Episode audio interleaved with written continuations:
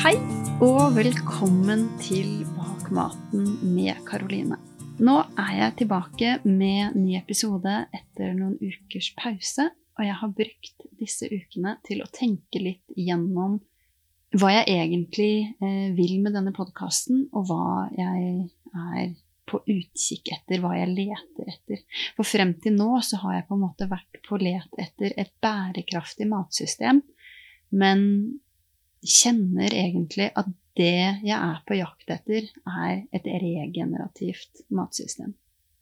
Bærekraft har vært et trygt og kjent begrep for meg å, å begynne å jobbe med, men jeg kjenner at det er veldig utvanna, eh, og har jo vært det hele tiden. Og blir misbrukt i veldig mange settinger. Og, og blir brukt om ting som jeg tenker overhodet ikke har noe med eh, ordentlig bærekraft å gjøre i det hele tatt. Et regenerativt matsystem for meg blir å ta bærekraft enda et skritt videre. Det inneholder veldig mange av de samme komponentene, men har dette gjenoppbyggende elementet som jeg synes er så viktig. For vi har over lang, lang tid brukt mer enn det vi har gitt tilbake, både til oss selv som mennesker og til jorda, og til økosystemene og uh, egentlig alt vi har rundt oss. Og jeg tenker det er på tide å ha fokus på dette med å gjenoppbygge. Å skape noe som gir mer enn det tar over tid. Det er for meg et regenerativt eh, matsystem og en regenerativ tankegang. Og fordi jeg syns det her er så viktig, så har jeg eh, valgt å lage et kurs som jeg har kalt regenerativ mat og livsstil. Med kurset så ønsker jeg å lære bort alt det jeg har lært meg om dagens matsystem gjennom eh, både den podkasten her, gjennom ulike organisasjoner jeg har vært med i, arbeidsplasser, studier, miljøer jeg har vært i, og, og land og reiser jeg har vært på. Samtidig så tenker jeg at hvis man har lyst til å være med og gjøre en endring, en reell endring, så er man nødt til å vende innover også. Derfor er eh, konseptet med kurset at vi skal utforske og lære om den ytre verden, men ikke mer enn vi kommer til å vende oss innover. Så kurset gir deg verktøy du trenger for å bli enda litt bedre kjent med deg selv, hva som finnes på innsiden, um, og hvordan det her kan hjelpe deg til å stå i den forandringen vi trenger for å være med å forandre dagens matsystem til et regenerativt matsystem på alle plan.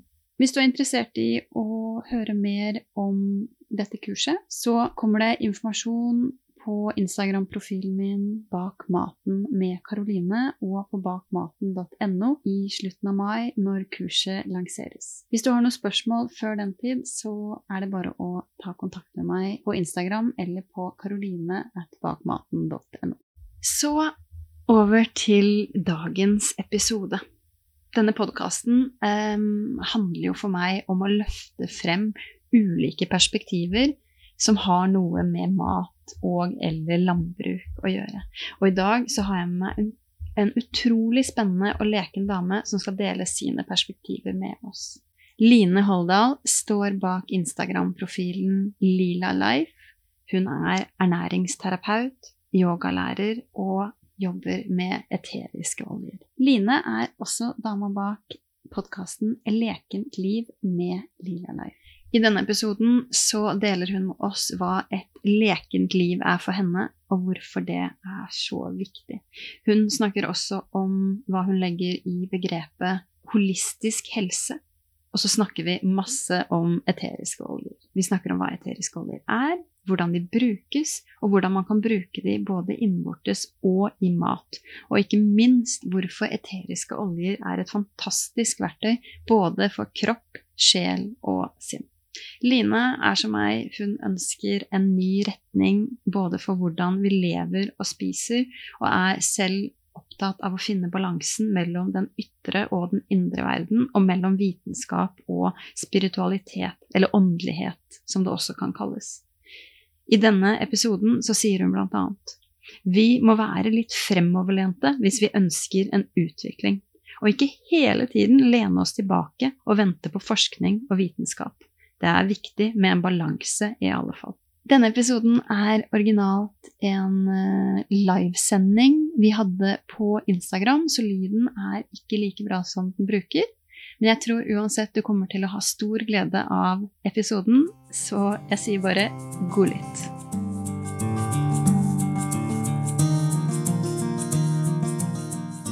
Line, vi skal jo snakke om det å leve lekent. Det å leve på en regenerativ måte, som er et ord jeg har blitt veldig opptatt av i det siste. Vi skal snakke mer om det etterpå, forklare litt hva det betyr. Ja. Og eh, ikke minst matglede. Og skal vi bruke mye tid på eteriske oljer. Eh, en lidenskap vi deler begge to. Men jeg har lyst til å begynne litt med, med deg, for de som ikke kjenner deg så godt. Kan ikke, du, kan ikke du fortelle litt om hvem du er i denne konteksten? Ja, eh, jeg heter Line og har mitt eget firma som heter Lila Life. Eh, det eh, etablerte jeg når jeg var veldig syk i, ja, i 2008. Så jeg manifesterte lekenhet inn i livet mitt, og jeg ønska da å komme dit at jeg kunne si at livet mitt var lekent. Og når alt det var på plass, så var jeg klar til å spre lekenhet med andre. Eh, så nå jobber jeg fulltid med å fortelle om eh, hva jeg mener er viktige elementer for å få ei leken og balansert helse. Og leve da eh, så tett på naturen som vi kan gjøre. For er det noe jeg tenker som er et problem i dagens samfunn, er jo at vi fjerner oss mer og mer fra det naturlige. Så var det et greit svar? Skal jeg utfylle mer? Veldig greit svar, Line. Vi skal komme inn på, på mange av disse elementene som du, som du forklarer her. Eh, men jeg, jeg, har lyst til å, å, ta opp et begrep som, eh, som, du ofte bruker, som er det å ha en holistisk tilnærming til helse. Kan ikke du forklare litt hva som ligger i det begrepet? Eh, sånn som jeg tolker det, så handler det om å se en helhet. Eh, jeg er jo utdannet ernæringsterapeut, og eh, når jeg da fikk min første autoimmune diagnose da jeg var 23 år, så var jeg veldig opptatt av hva kan jeg gjøre med maten. Eh, og maten og det å legge om kostholdet mitt har vært veldig viktig. Men det er først når jeg klarte å se sammenhengen at jeg kan si at jeg kom dit, at jeg kan si at nå er helsa mi leken og balansert. Men man slutter jo aldri å eh, være i utvikling. Så jeg jobber fortsatt med utvikling på alle plan. Men for meg så handler det om å det handler om maten vi spiser, det handler om å være mer i kontakt innover og være mer til stede her og nå. Stress ned. Det handler om hva vi påfører huden vår, vi, sminke vi bruker. Før jeg, jeg sminka meg eh, før jeg kom ned hit, så, så, tenker jeg på altså jeg bruker bare naturlig sminke som er ikke inneholder nanopartikler. For jeg tenker på hva gjør det med miljøet, alt vi sprayer på oss, og hva gjør det med meg? Hva gjør det med de rundt meg? Så en holistisk tilnærming, da ser vi på helheten. Og også tenker jeg på hvordan vi er som mennesker. Hvordan er vi gode medmennesker? Er vi omgjengelige? For det tenker jeg også er viktig for at vi skal ha det bra og få ei balansert helse. Mm. Mm. Jeg har lyst til å, å, å gå litt over på, på, dette med mat. For mat er jo et tema som går igjen i eh, ja, i livsstilen din og det du formidler. Da. Ehm, kan du si litt om eh, ditt forhold til mat, eller hvorfor du er så opptatt av mat? Mm. Ja, altså jeg hadde et veldig anstrengt forhold til mat i mange år. Jeg hadde spiseforstyrrelser fra jeg var 14 til jeg var eh, godt opp i 30-årene. Nå er jeg snart 45. Eh, og eh, mat Jeg er veldig glad i mat. Eh, og endelig har jeg klart å få et forhold til mat som jeg ser på som sunt. Altså det jeg ser på mat nesten som noe spirituelt. Det det er en gave til min kropp. Og jeg kjenner at hvis jeg spiser ting som ikke er bra for meg, så har jeg ikke det bra.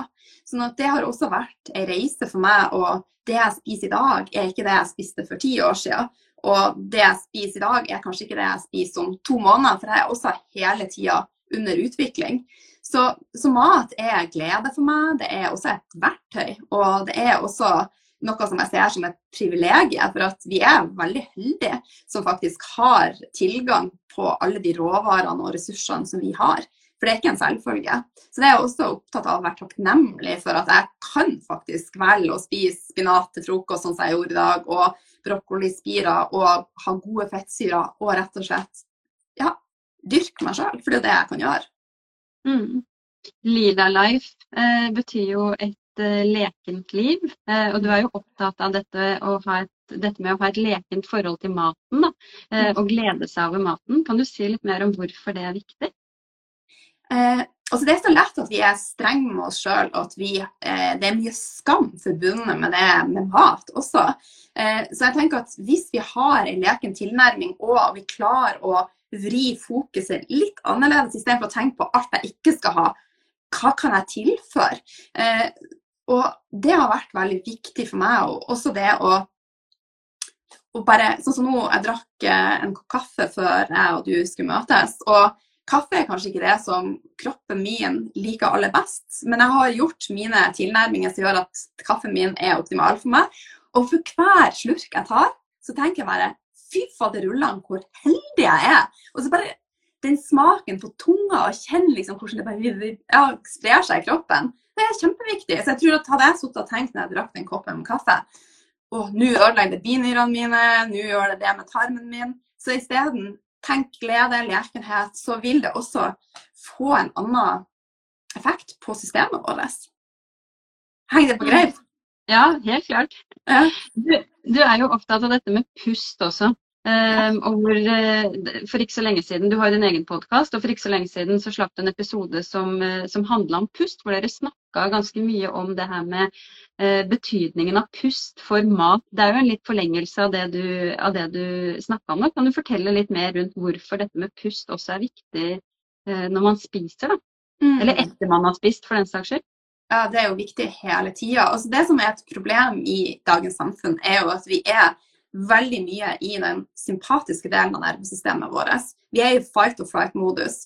Og det er å fordøye mat en jobb for systemet vårt. Så det trenger faktisk litt forberedelser for det. Vi trenger ro. Og pusten er det som får oss inn i den parasympatiske delen av nervesystemet, som gjør at vi kommer i rest and digest. Det vil si også at vi klarer å bryte ned maten bedre, som gjør at vi klarer å ta opp næringa.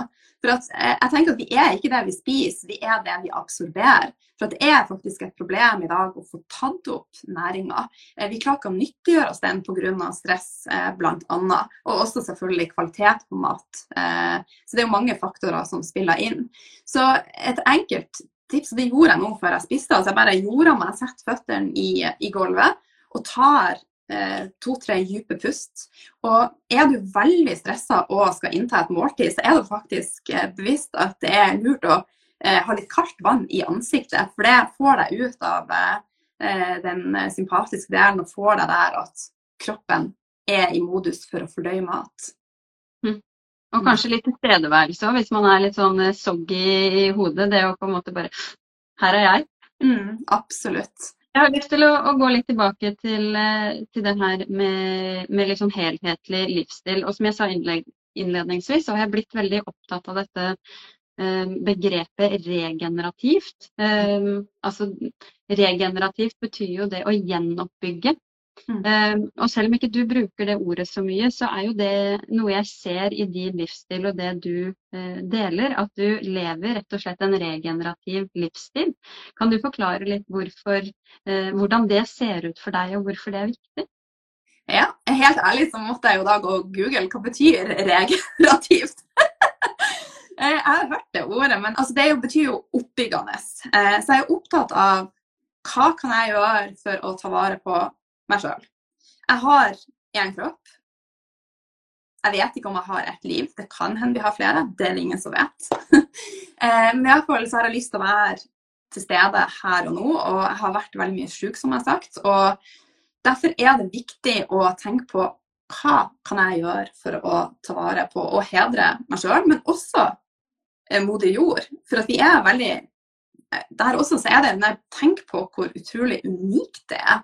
Eh, for det første, oss som kvinner, vår feminine syklus og hvordan vi er skapt.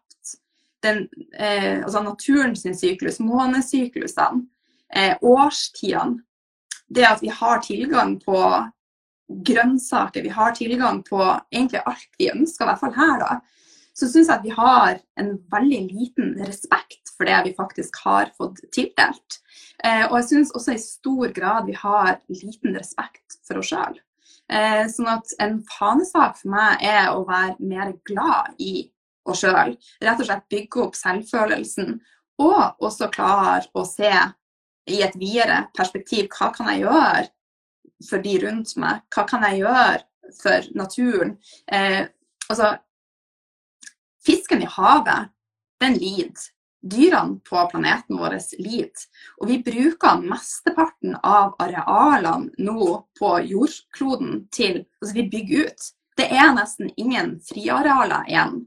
Så eh, bare det å se en dokumentar, det den kan hete den som går på NRK, eh, Vår klode eller noe sånt. Men altså, det å faktisk ta litt eierskap i dette istedenfor å lukke øynene. La være å kaste kontaktlinsene i do. Kast det i søpla. Kaster du i do, så det, går det inn i fisken sitt system. Og jeg tror det er veldig få som vet at faktisk havet rundt oss er rett og slett forgifta.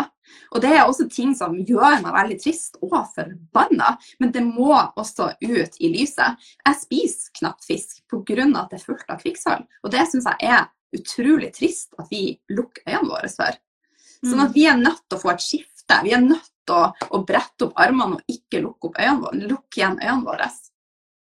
Så en regenerativ livsstil for deg tenker du handler om ikke bare å bygge opp deg selv, men å, å ta på en måte valg som bygger opp eh, naturen rundt deg og, og, jorda også? Da. Det er det du mener? Absolutt. Og så tenker jeg at det er mm. kjempeviktig eh, for oss som bor i Norge, støtte opp om det vi har her, eh, jordbruket vårt, vel lokalt. Eh, og for meg også så skurrer det litt at vi skal importere bønder og kikerter fra eh, et annet land kontra å spise lam som vi har her i Norge. Sånn at det handler litt om å, ja, å, klare å se helheten, og ikke bare være på en bølge og tenke at alt man får servert nødvendigvis er rett. Så ja. Du var jo inne på det her med på en måte egenkjærlighet, og at det ligger til grunn for, eh, for kanskje det meste du gjør. Mm. Eh, men det er jo mange som kan tenke da at det å, å sette så mye tid til seg selv og eh, dyrke liksom egenkjærlighet og, og, dette her kan virke litt egoistisk. Hva er tankene dine rundt det? Så enkelt at self-love is the gateway to love other. Mm. Så, så enkelt er det. Hvis du ikke er glad i deg sjøl, så kan du ikke elske andre fullt. Du kan ikke det. Jeg er helt sikker på det. Og eh, jeg har vært så, så slem med meg sjøl i veldig mange år. Og det tok veldig lang tid før jeg begynte å kjenne et snev av egenkjærlighet. Og det svinger jo. Det er jo ikke sånn at jeg hver eneste dag tenker at high five, livet er fantastisk og jeg digger meg sjøl. Sånn er det ikke. Men jeg jobber bevisst med å ta vare på meg sjøl, sånn at jeg skal få bygge opp denne eh, rustninga i meg sjøl. Så eh, jeg tenker at det er det motsatte av å være egoistisk. Maska på først, og så kan du hjelpe andre. Mm. Jeg har lyst til å bevege oss over i uh, dette med eteriske oljer. Ja. Som jeg syns er så spennende, og som jeg ganske nylig har oppdaga, men som du har holdt på med i, uh, i flere år. Ja, kan vi ikke bare begynne liksom helt basic? Hva er eteriske oljer? Eh, jeg bruker enkelt å si at det er essensen av eh, natur. Eh, det er jo utvunnet av forskjellige bestanddeler fra naturen. Altså alt i naturen kan nesten benyttes da, og så videre. Enten kaldpressa eller destillert, og veldig komprimert. da. Sånn at det er jo veldig, veldig potent. Eh, potente dråper.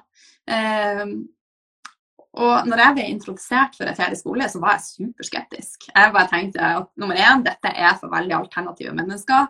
Nummer to, jeg er sensitiv på lukt, sånn at jeg var ikke så gira. Eh, men fra jeg lukta, så, så, var jeg solgt. Litt sånn som du, da. Eh, altså en sånn kjærlighet som du egentlig ikke tenker du kan få for noe som ikke er liksom levende. Det jo, du kan jo si at det på en måte er, er levende.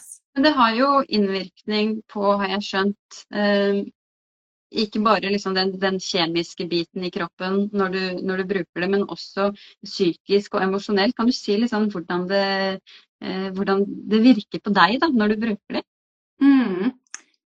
Ja, altså, altså helsa mi er litt mer balansert etter jeg starta med de.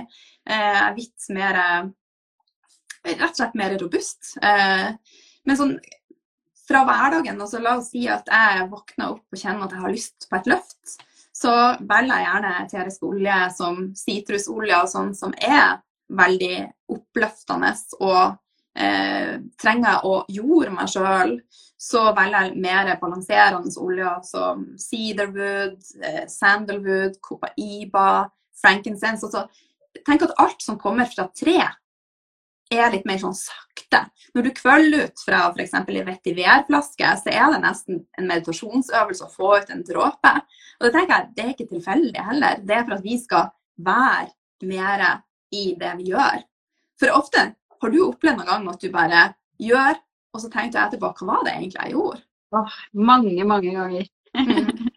Og det tror jeg veldig mange kjenner seg igjen i. Og det tror jeg er det vi skal bevege oss bort ifra, og komme med der at vi faktisk er mer til stede i sansene våre. Eh, og det hjelper de eteriske oljene meg også til. Eh, jeg er jo veldig fan av å henge ute i naturen så mye jeg kan. Eh, men når jeg ikke kan, så bruker jeg naturen inne. For det er jo rett og slett natur på ei flaske. Mm. Ja, og ellers mer sånn quick fix. Eh, så hvis jeg kjenner at jeg er anspent i muskulaturen, så bruker jeg eh, f.eks. lavendel, peppermynte og frankincense for å støtte det. Eh, sånn at det er Jeg tenker at det er ei olje for det meste. Mm. Ja. Det er jo veldig fint det du sier om å bruke de for å på en måte connecte med naturen når man ikke har tilgang på naturen. For det er, jo, det er jo sånn at veldig veldig mange av oss bor midt i byen og ikke har tilgang på natur eh, hver dag, da, eller Eh, en gang i uka for den saks skyld. Og, da, og jeg bor jo selv i by og opplever at det å på en måte bruke de eteriske oljene her hjemme med asfalt rundt meg, er liksom min måte å connecte med naturen. Da. Jeg syns det er så fint. Mm. Hva er din favoritt så langt? Oh, vet du hva? Det, jeg prøver å, å, bruke de veldig sånn intuitivt, eller bare føle meg fram. Og Eh, jeg, jeg, har ikke noe Jeg klarer ikke å, å få én eh, favorittolje. fordi hver, jeg er forskjellig hver eneste dag jeg står opp, og kroppen min har helt ulike behov. Da, så jeg tiltrekkes forskjellige oljer hver dag. Ja. Ja. det er så spennende. Så det tror jeg også er en øvelse å faktisk komme dit. At det gjelder egentlig alt i livet. Trening, mat, eterisk mm. olje. Og heller spør deg sjøl og lytt innover hva er det jeg trenger i dag, istedenfor å søke svarene ute hos andre. Og da må mm. vi jo trene opp intuisjonen vår. Ja. Mm. Jeg, har, eh, jeg har, lenge hatt liksom veldig sånn faste morgenrutiner eh, som jeg liker å gjøre. og Det kan være liksom drikke sitronvann, eh, drikke en juice, meditere. altså Mange sånne elementer eh, i morgenrutinene mine. Og så har jeg kjent i det siste at jeg kan bli litt for opphengt i hva jeg skal gjøre, og ikke hva jeg egentlig har behov for. Da. Så akkurat det der å kjenne etter hver eneste dag hva har jeg behov for i dag, syns jeg er veldig, veldig spennende. Og, og jeg kan bli veldig overraska over hvor forskjellig jeg er hver dag, og hva jeg faktisk har behov for. Da, som jeg, eh, kontrasten mellom hva jeg tror jeg har behov for, og hva jeg faktisk har behov for. Ja. Så da har du faktisk endra litt i morgenrutinene dine, så de varierer da fra dag til dag? Ja. ja. Nei, men så bra. Ja, jeg tror det er veldig lett at man vil liksom Nei, nå spiser jeg det etter frokost, og da gjør jeg det i morgen også, kontra å faktisk kjenne etter hva mm. er, er, riktig. Mm. Så jeg hadde egentlig kjøpt inn til jeg skulle lage meg en smoothie eh, og teste ut en ny oppskrift, men når jeg våkna i dag, så hadde jeg ikke lyst på det. Så da ble det heller kylling og grønnsaker og søt potet og ja. Så, eh, og det var helt rett i dag. Mm. Og en annen ting som jeg vet uh, vi har til felles, er den her interessen for uh, den feminine syklusen vår, eller uh, menstruasjonssyklusen, eller den kvinnelige syklus, syklusen, eller hva nå enn man har lyst til å, å, kalle den. Og det også er jo noe som er med og påvirker så veldig hva man har lyst på til enhver tid. Som er, som, er, veldig fin å ha i bakhodet. Og kanskje hvis man blir bevisst på det, så tillater man seg også å være et forskjellig menneske ja, hver dag. da. Absolutt. Og jeg tror ikke det er uten Hvis man craver f.eks. en skikkelig rød biff, så tror jeg ikke det er tilfeldig at man gjør det. Så, eh, men igjen, hvis man da har tatt valg om å være eh, veganer eller vegetarianer, så kan man jo lage seg en rødbeterburger. Ja. Ta det nærmeste. Men Det er jo interessant at du, at du sier det, for jeg har vært vegetarianer i, i, mer enn ti år. Og jeg liker på en måte å fortelle andre at jeg er vegetarianer, ikke fordi jeg liker å fortelle det, holdt jeg på å si, men, men fordi jeg, eh, jeg, jeg har ikke lyst til å bli servert kjøtt for 99% av tiden så har jeg ikke lyst på kjøtt. Men det, det, hender, eh, det hender, jeg har lyst på, og da syns jeg det er så viktig å tillate meg å spise en salamiskive eller en liten kyllingbit eller hva det nå enn jeg har lyst på. Akkurat pga. den grunnen du sier, da. At Det, da, da, kanskje jeg trenger det, og da, da er det viktigere enn det prinsipielle. Mm, absolutt. Så det er noe med å være litt raus og ikke være så utrolig firkanta og svart-hvit. tenker jeg i hvert fall er viktig for meg. Det er jo knytta opp til, til, det vi snakka om innledningsvis om matglede, tenker jeg da. At uh, når man blir veldig streng med seg selv, så mister man litt den evnen til å flyte med og glede seg over, uh, over det man har rundt seg, og det som er tilgjengelig, og det som man kanskje har lyst på. Absolutt. Men uh, jeg har lyst til å, å, kjøre litt tilbake igjen til eteriske oljer. For en ting som jeg hadde lyst til å ha litt fokus på i dag, i og med at podkasten min primært handler om mat, det å på en måte knytte disse eteriske oljene til mat. Eh, og et spørsmål som jeg har fått noen ganger når jeg har delt at jeg bruker eh, oljene mine innvortes, det er men er ikke det farlig? Kan man det i det hele tatt? Så kan du mm. ikke si litt rundt det her, hva bør man tenke på hvis man har lyst til å bruke eteriske oljer innvortes, altså inn i munnen? Ja. Eh, som med mat så er jeg opptatt av at det skal være rent. Og det er, det er viktig at maten vi spiser er ren, og det er enda viktigere at de eteriske oljene vi bruker innvortes, er rene. For det finnes mye vræl på markedet eh, der det vi lager syntetisk, og der det faktisk ikke er ekte bestanddeler fra naturen. Og det blir også tilsatt syntetiske ting som vi ikke ønsker i kroppen vår. Så jeg kan ikke si at alle eteriske oljer kan brukes innvortes. Det kan rett og slett være farlig å bruke urene eteriske oljer. Det kan også være farlig å bruke rene eteriske olje innvortes. Så derfor er det veldig viktig at man har god veiledning og tenker at less is more. For det er veldig, veldig potent.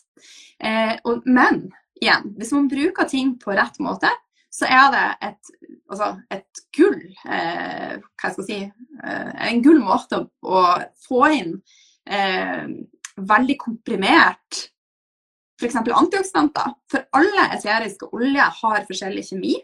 Eh, og, eh, men en sånn forsiktighetsregel som jeg har, det er at jeg liker å blande oljene med fett. For oljene er fettløselige.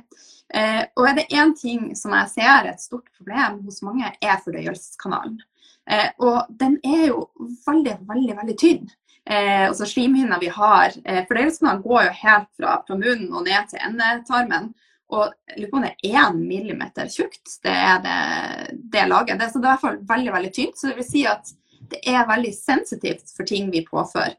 Så hvis vi da gjentatte ganger f.eks. har eterisk olje i vann, eller bare bruker det i andre ting uten å ha fett, så kan det være uheldig for slimhinnene. Så jeg bruker å si vær forsiktig. Så jeg bruker det f.eks. hvis jeg lager en saus, en tomatsaus, så kan du bruke oregano, du kan bruke basilikum.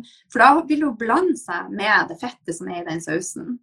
Sånn som kaffen min, som i dag besto av kokosfett, eh, og jeg har eh, kokosmelk også, godt med fett. Da kunne jeg rørt inn en dråpe med kardemomme eller kanel. Og det vil være med å sette en sånn ekstra touch på det, rett slett krona på, på verket. Eh, man kan også bruke det innvortes i kapsler, og det gjør jeg sjøl mye. Men da passer jeg på å ha en god baseolje i lamma, f.eks. olivenolje eller kokosfett. Eh, det er veldig viktig for meg, da. Eh, men ja, man kan absolutt bruke eterisk olje, i hvert fall fra doTERRA innvortes. da. Disse kapslene det har med å beskytte slimhinnene, det er derfor man bruker de? Altså er det jo for å få det rett ned i, i eh, magesekken og sånn, også at det ikke skal beskytte Nei, ikke skal skade. Ja. Ja, ja. Absolutt. Så eh, eh, altså Se på slimhinnene som et tynt silkepapir som du skal behandle på, på den best mulige måten. Så mm. Men det finnes ikke noe fasitsvar. Altså, jeg var på, på kurs med eh, en av de mest anerkjente sånn, på medisinsk aromaterapi. Uh, Shelly Weatherall Price. Uh, jeg er så dårlig på navn. Uh, men hun var sånn, hun brukte ikke eterisk olje innvortes hvis hun ikke hadde noe fett. Hun var sånn no, no. Og så sto mannen hennes på sida og hadde tatt en dråpe med nellik rett ned hver dag i alle år de hadde vært i lag. Så vi er også forskjellige som mennesker. Noen har en sterkere fordøyelse enn andre. Jeg vet jo at jeg har hatt mine utfordringer og har mine utfordringer, så jeg har en autoimmun sykdom. Så eh, ja. Men uansett Du være litt forsiktig. Ja. ja. Mm. Men kan du ikke si litt mer om forskjellen på å bruke Altså hvorfor vil man bruke eteriske oljer i form av eller krydder? F.eks. sånn som du nevner både oregano her og eh, kardemomme og kanel. Eh, hva er liksom fordelen med å bruke det som eteriske oljer, og ikke bare bruke det som pulver som du får kjøpt i butikken? Mm. Ja, det er veldig mye mer komprimert. Altså det er mye mer Altså konsentrert? Ja, konsentrert og potent. Så la oss si da at nå har jeg jo her peppermynte. Nei, ja. Jeg husker ikke helt tallene, men oregano. altså Det går flere hundre oregano-urter med for å lage denne. Så det er jo bare da å prøve å ta bitte litt oregano på tunga, så kjenner du at det, det er ganske, ganske kraftfullt. Så, jeg syns oregano er veldig veldig forsiktig med å bare bruke sånn som i munnen, for den er veldig sterk. Kan vi ikke snakke litt om noen enkeltoljer som er vanlige å, å, bruke i mat eller som medisin, eller som begge deler? Liksom. F.eks. oregano, da, som du snakker om her. Kan du si litt mer om det? Hvilke, hvilke fordeler er det med å bruke oregano? Ja, nå må Jeg bare si at er veldig, jeg er veldig opptatt av dette. Det er et veldig strengt regelverk på hva man har lov å si om eterisk olje. Altså, medisin er jo på mange måter oppbygd med samme struktur og kjemi som eterisk olje, men kjemisk. Så ja.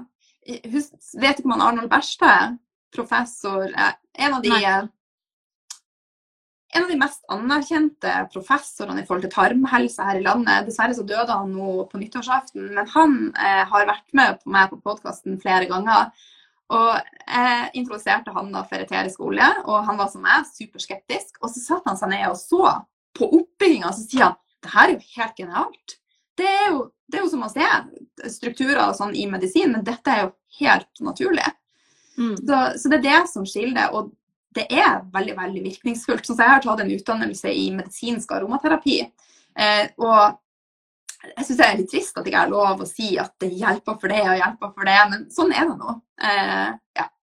Men tilbake til oregano. Oregano, ja. ja.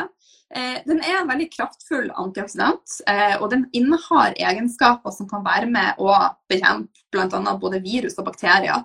Så hvis man har en hvis du kjenner at du begynner å brygge på noe, så tar jeg alltid oregano i en kapsel og så er det med å balansere det. Så og da tar jeg det med en gang jeg kjenner at nå er det et eller annet som, som ja, brygger. Eh, og den er jo også veldig rensende, så mange bruker den i sånn detox-øyemed. Og f.eks. tar en kapsel med, med, oregano tre ganger om dagen i f.eks. ti dager. Eh, men den er også veldig kraftfull. Altså, vi har jo et mikrobiom. Eh, og eh, vi har bakterier og virus og parasitter og alt mulig rundt oss og på oss. Eh, og oregano er såpass sterkt at det vil også kunne påvirke de gode bakteriene. Så Derfor er det viktig å ha en respekt for oregano og passe på å tilføre prebiotisk mat. Og også noe probiotisk hvis man tar en detox med oregano. Hva er det? Forklar. Eh, altså, prebiotika er jo mat til tarmbakteriene våre. Det er sånn at eh, På samme måte som at jeg og du trenger mat, så trenger bakteriene og eh, de, de andre mikroorganismene i systemet vårt trenger næring. Eh, det tenker jeg det aller viktigste for immunsystemet vårt er at vi har et balansert mikrobiom. Probiotika er rett og slett ferdige bakterier som vi tilfører. Så pre lages til bakterier via mat. Så probiotika er omdiskutert pga. at vi er ikke sikre på hvordan det påvirker vårt eget mikrobiom. Så noen er veldig positive, og noen er negative. Eh, og det kommer mer og mer forskning bl.a. på at probiotika via f.eks. laga fra jordsmonn er veldig eh, gunstig. Og det finnes allerede noen eh, typer som man kan få tak i. Eh, men i alle fall så er det superviktig at vi tar vare på dyrehagen vår, som jeg bruker å kalle den. Og spesielt da etter man har gjort en detox. Så, så jeg har vært på, på, detox i hele 2021, ikke organodetox, men i forskjellige varianter. Så jeg er supernøye på å eh, bruke masse prebiotisk mat og prebiotiske tilskudd. Veldig spennende. Da fortsetter vi med peppermynte. Ja, peppermynte. Den, eh, hvis man går på PubMed og, og søker på forskning på peppermynte, så vil man finne masse forskningsartikler som viser at den er med og øker innlæringsevne og konsentrasjon. Og det er rett og slett for at den er med og åpner luftveiene. Eh, så den har jeg ofte i diffuseren hvis jeg skal jobbe med ting som kanskje er litt tungt.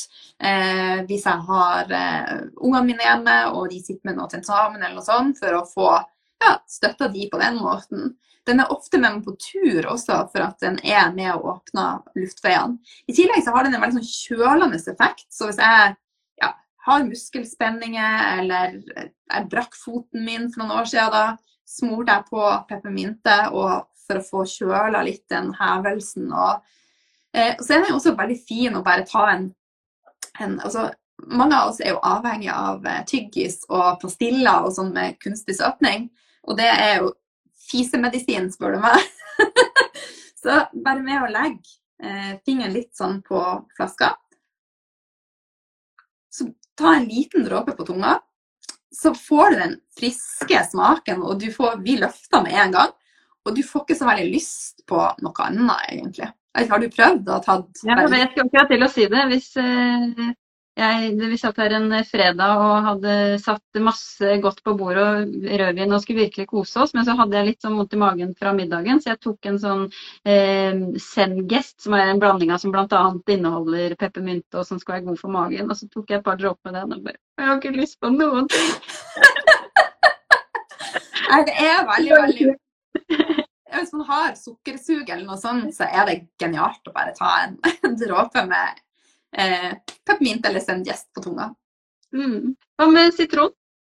Eh, sitron er altså Nå prater jo jeg mye om miljøet innledningsvis. Og vi bruker jo mye eh, konvensjonelle vaskemidler uten å tenke så mye over det. Hvordan det påvirker innemiljøet vårt.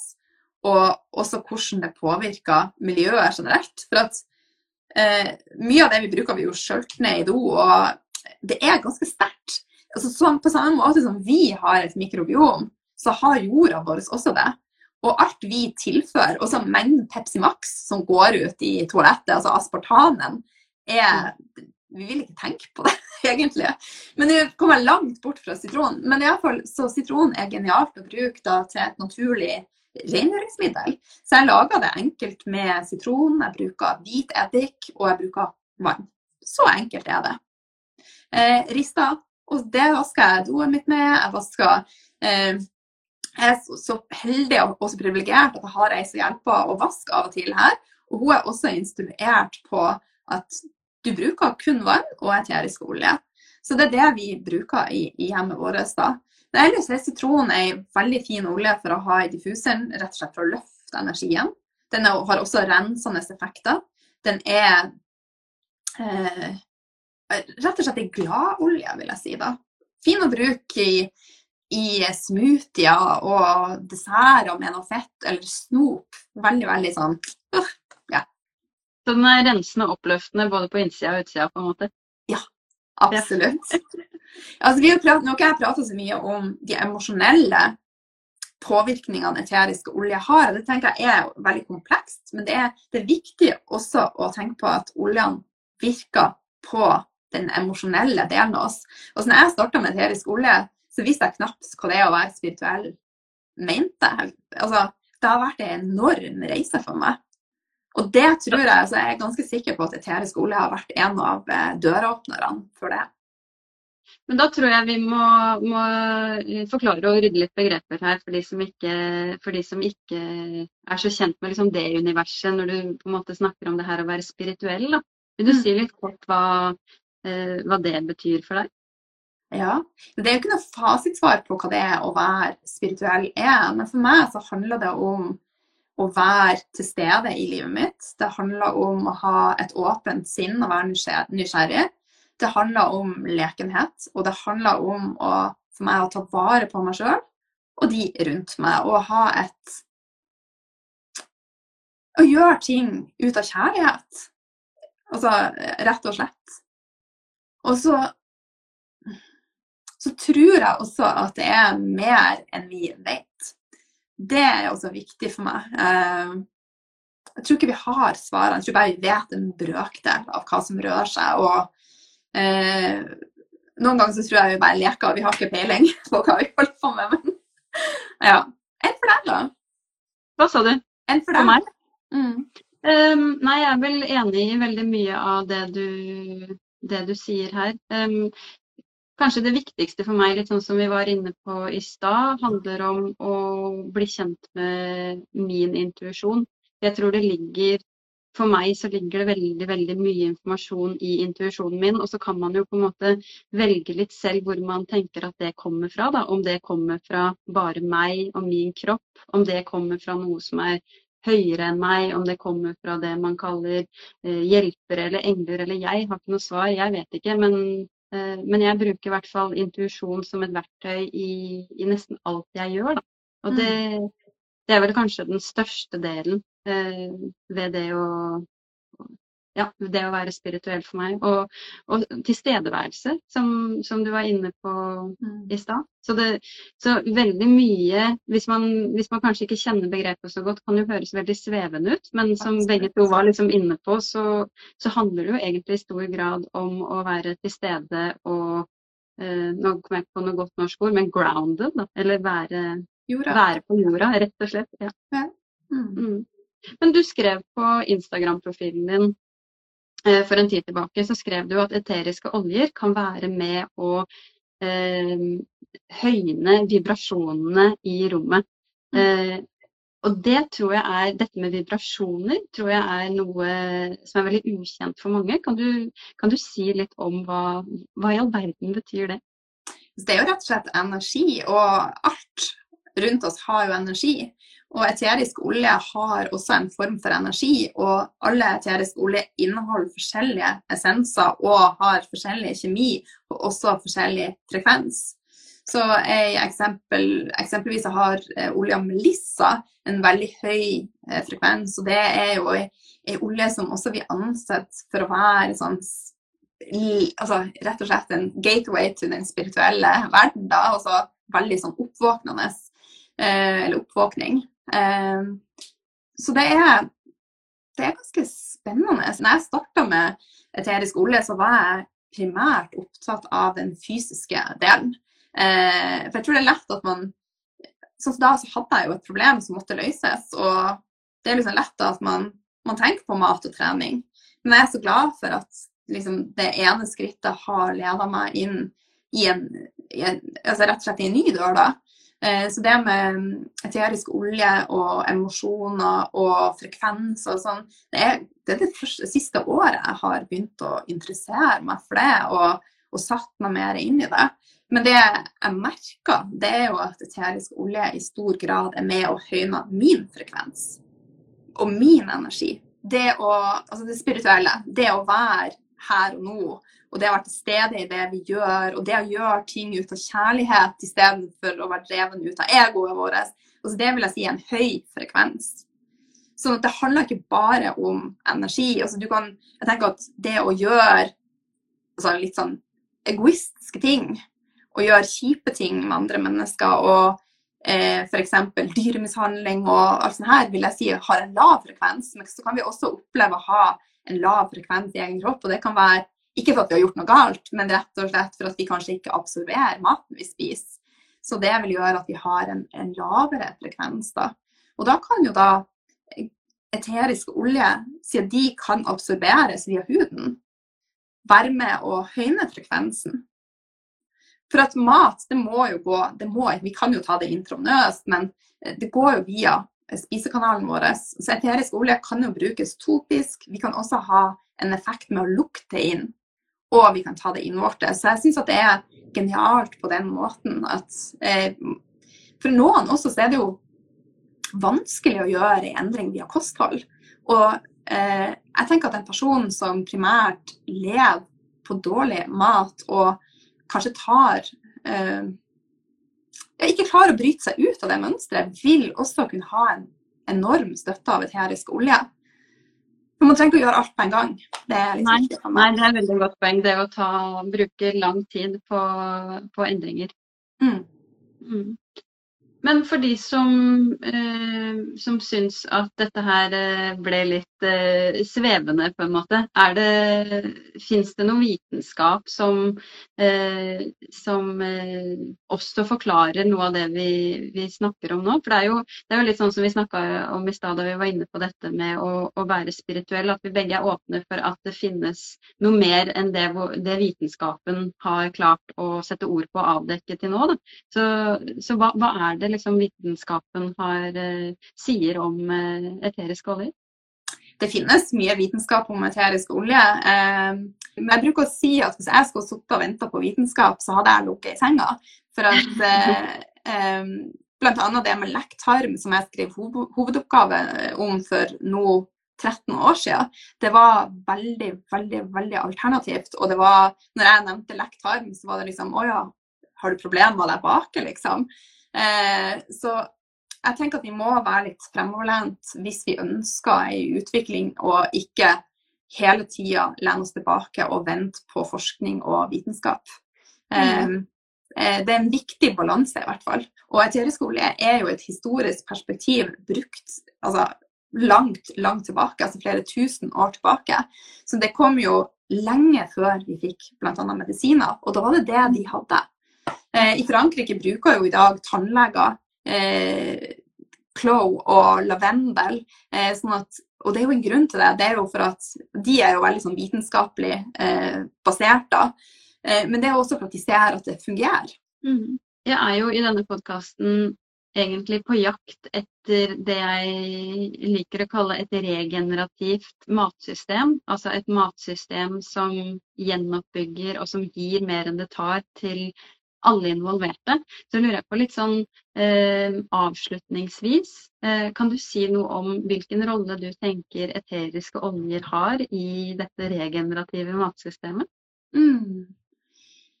Det er greit at jeg prater sånn generelt om hva jeg tenker eteriske olje kan gjøre som oppbyggende for oss som mennesker og samfunnet.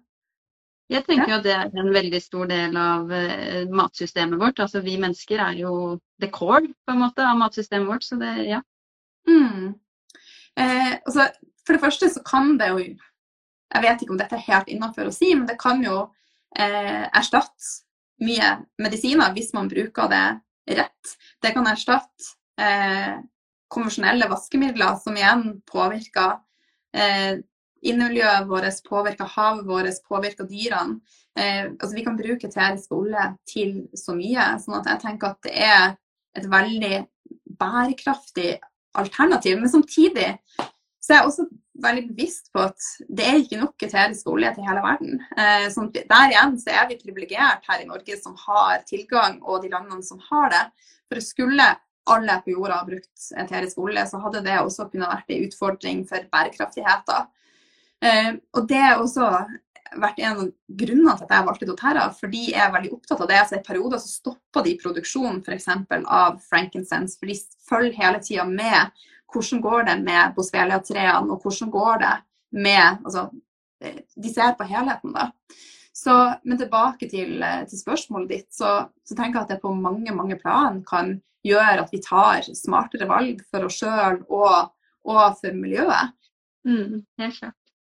Vi er nødt til å, å, begynne å gå litt inn for landing, Line. Men jeg har et par, et par faste spørsmål som jeg bruker å avslutte med. Eh, nå er jo ikke du en spesiell Eller du slår meg ikke som en spesiell eh, sint person. Du er jo veldig sprudlende og glad, egentlig. Men er det noe som gjør deg sint?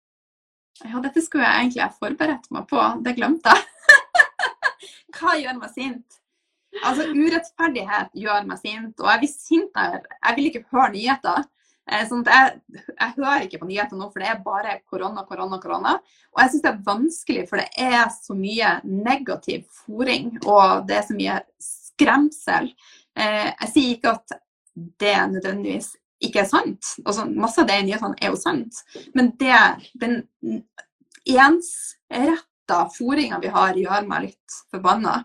Mm. det gjør meg også forbanna at eh, de, sånn som nå, har eh, eh, satt opp prisene på behandlinger, på massasje og andre sånne ting som folk sårt trenger. Så setter de ned prisene på, på godteri og brus og ting som vi virkelig ikke trenger. Så det er et eller annet sånn skjevhet her, og det gjør meg sint. Og også at det er som et edderkoppnett, altså at du har eh, skjulte agendaer. Altså folk som faktisk sitter i én rolle, har eierskap der, hvis du skjønner. Altså, det er mye vi ikke vet. Eh, og sånne type ting, sånne økonomiske ting, gjør meg ganske, ganske sint. Og så kan ungdommene gjøre meg sint hvis de roter mye, er egoistisk og vekker meg på natta. det er fullt forståelig. På den andre siden, hva gir deg håp? Sånn som du gir meg håp. like så bra. Ja, altså folk som eh, ildsjeler som gjør en forskjell. Eh, og jeg tror det er en slags oppvåkning nå i, i samfunnet, og at vi, vi, begynner å se at det trengs et skifte. Det gir meg, meg håp. Mm. Veldig enig.